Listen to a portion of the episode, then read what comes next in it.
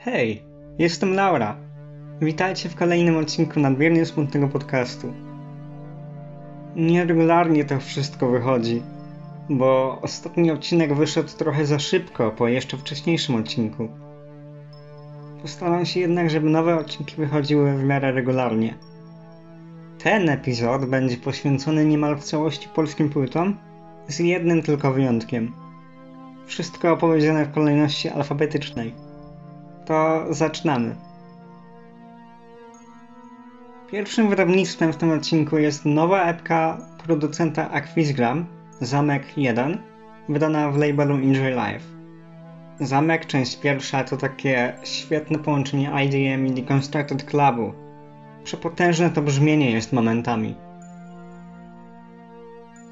I to brzmienie stwarza atmosferę niepokoju, mroczną atmosferę często, bardzo często. We wszystkich pięciu utworach da się ją odczuć. Bity i synty w znakomity sposób budują ten klimat, ten klimat niepokoju. I to właśnie to przepotężne brzmienie i wspomniany klimat mnie bardzo urzekły. Fajny mamy początek już, bo to co się wydaje, że w utworze tytułowym będzie ścianą dźwięku, jedynie wytrąca z równowagi na chwilę. W tym utworze na ficie pojawia się jabłka gruszki i świetnie to wychodzi. Utwór sam w sobie jest bardziej stabilny i regularny, ma mroczne eteral synty, ale jest też na swój sposób delikatny. Dobrze wprowadzę w ten klimat wspomniany, bo już następny utwór jest bardziej energiczny, bardziej IDM, z takim bitem szybkim, który podwaja wspomniane wcześniej czucie niepokoju. No i dużo też w nim basu i noizu, co jeszcze bardziej podkreśla tę dziwną atmosferę. Ciekawym dodatkiem jest słyszany w końcu saksofon, na którym zagrał Michał Olczak. Specyficzny noizowy szelest i inne efekty dźwiękowe też mi bardzo pasują w następnym utworze. Ten utwór już jest bardzo, bardzo ekspresyjny i to też jest mój ulubiony utwór z całej epki. Ekspresyjne krzyki, które można usłyszeć w tym utworze, to Anna z King Girls, ta sama osoba, która nagrała pierwszą część Miłości w czasach postkultury, o której wspominałam w jednym z odcinków podcastu. To już kolejny raz, kiedy utwór z gościem udziałem tej osoby jest moim ulubionym na jakiejś płycie.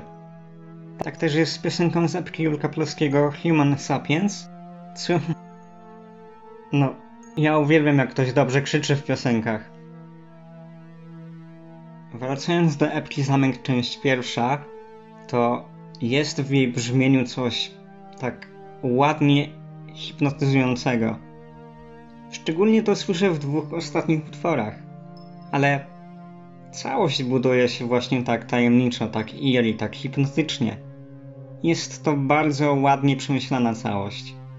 W opisie wydawnictwa na Bandcampie można przeczytać, że część druga już ukaże się niedługo. No to bardzo czekam na tę płytę. A część pierwszą zdecydowanie polecam osobom, które lubią takie mroczne brzmienia.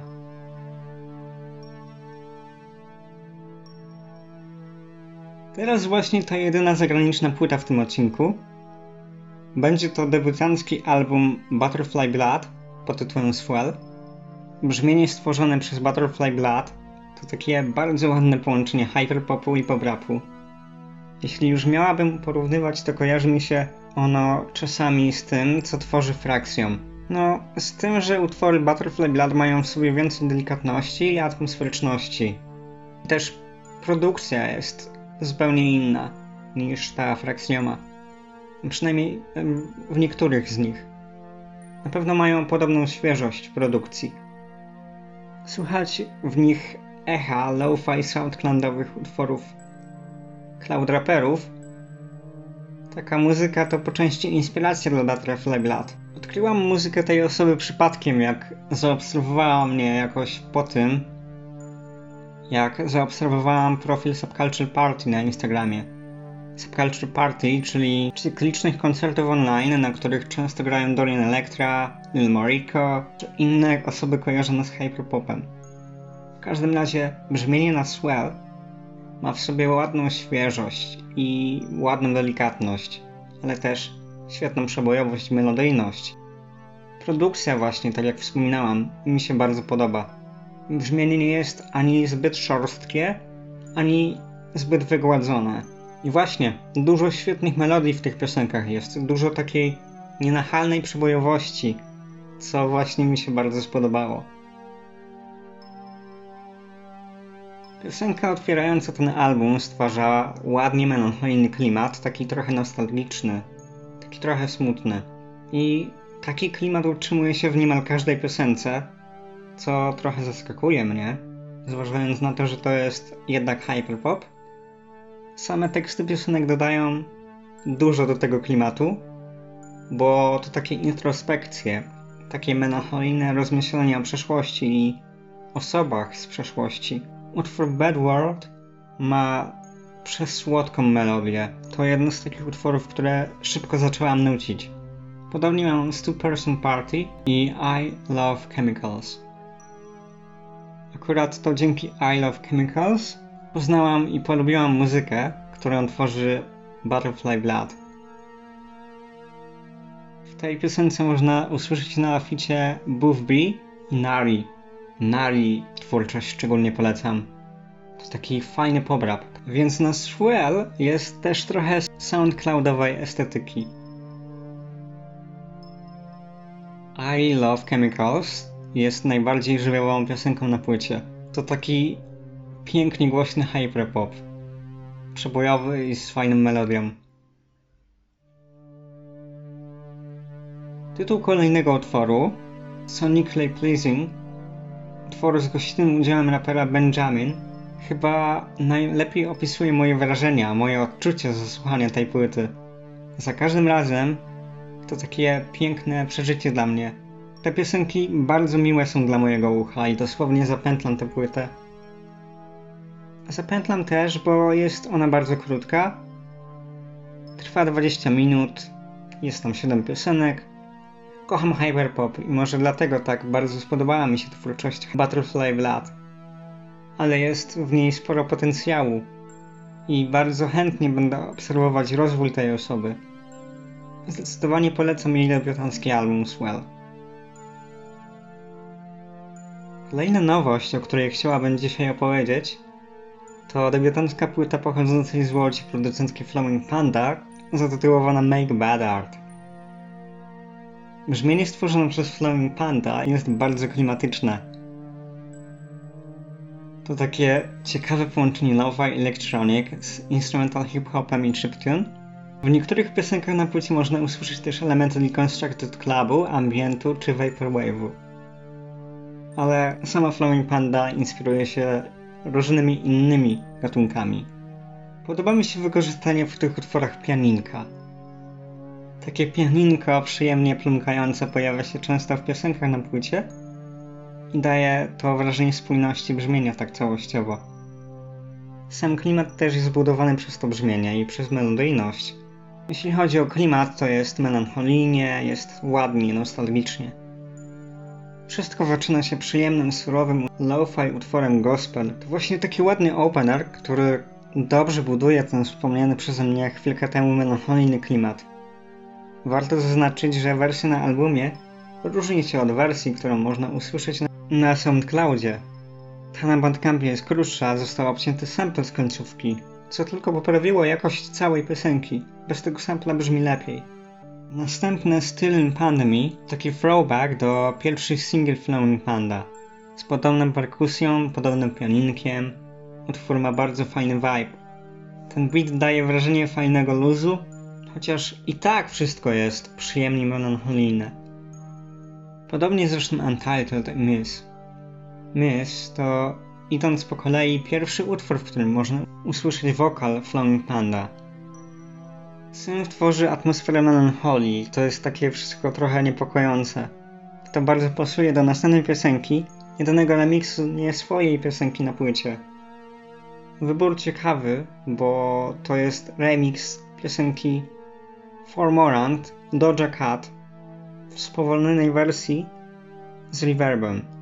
Lubię Doja Cat, bardzo lubię też oryginalną wersję, ale ta zrobiona przez Flying Panda jest fajnie atmosferyczno-tajemnicza i nawet jakoś bardziej podoba mi się niż oryginał.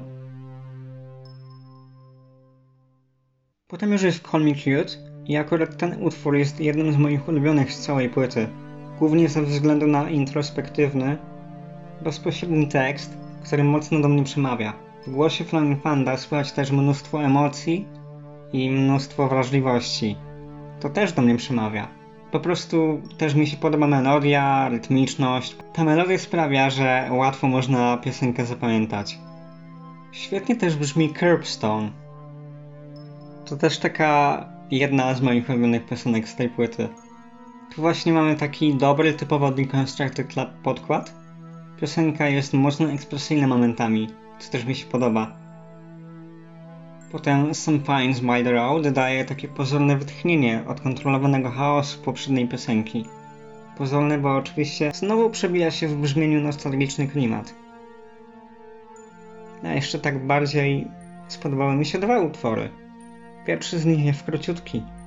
Honor is a Fascist Organization, trwający nieco ponad 40 sekund utwór, w którym brzmienie gitary daje śliczne country vibes. Końcówka Zero to też taki super vibe ma. Taki delikatny, przyjemnie melancholijny i cudowny tekst. Warto się w niego wsłuchać albo przeczytać go na Bandcampie. To jeden z takich utworów, co mocno wkręca się w głowę. No i fajnie wprowadza w trzyczęściowe instrumentalne zakończenie. Ładne lo-fi instrumental hip-hop bity. Lonely Panda dobrze buduje melancholijno-nostalgiczny klimat w swoich utworach. Make Bad Art nie jest może zaskakująco świeżą brzmieniowo płytą, ale w twórczości całej Flowing Panda dostrzegam spory potencjał i warto sobie przesłuchać tej płyty. To kolejna zdecydowana polecajka ode mnie. Ach tak, kolejna płyta w tym odcinku to taka premiera, której bardzo mocno wyczekiwałam. Debiutancki album Syndromu Paryskiego pod tytułem Małe pokoje w dużym mieście, wydana w labelu Peloton Records. Wiecie, ja uwielbiam twórczość Syndromu Paryskiego. Uwielbiam chodzić na ich koncerty. Byłam na kilku. Obserwowałam, jak powiększa się ich skład, jak ich brzmienie nabiera pełności, staje się lepsze. Hype był mocny na tę płytę. Bardzo, bardzo, bardzo mocny. Podoba mi się to brzmienie, które sobie wyrobił ten zespół. Mocno nawiązuje do klasyków emo, zarówno muzycznie, jak i w tekstach. Takie świeże połączenie emo popu i post-punku to jest momentami też. Teksty piosenek są pełne emocji, muzyka jest równie emocjonalna i ekspresyjna. Teksty mają w sobie też taką naiwną bezpośredniość, nadrośliwość to ich zdecydowany urok bo zgrywa się z emo brzmieniem, z melodijnością gitar. Dużo daje też ekspresyjny wokal. Wszystko takie pełne nienachalnej przebojowości. Wszystko takie pozornie proste, pozornie od niechcenia. Taki miękki asfalt na przykład to cudownie melancholijny utwór otwierający. Tak się kojarzy mafrokowo, trochę cap'n jazz. Świetne brzmienie gitar. We wszystkich piosenkach przebija się taki piękny klimat nostalgii. Tęsknoty za bardziej beztroską przeszłością. Taka przyjemna melancholia też jest. Tak jak wspominałam, bardzo dużo wrażliwości tutaj czuję. Na przykład taki persyflaż w wersji z płyty brzmi prześwietnie. Bardzo podoba mi się to, jak dużo ekspresji potrafią wydobyć z siebie z brzmienia i z tych piosenek nawet w wersjach studyjnych muzycy z syndromu paryskiego.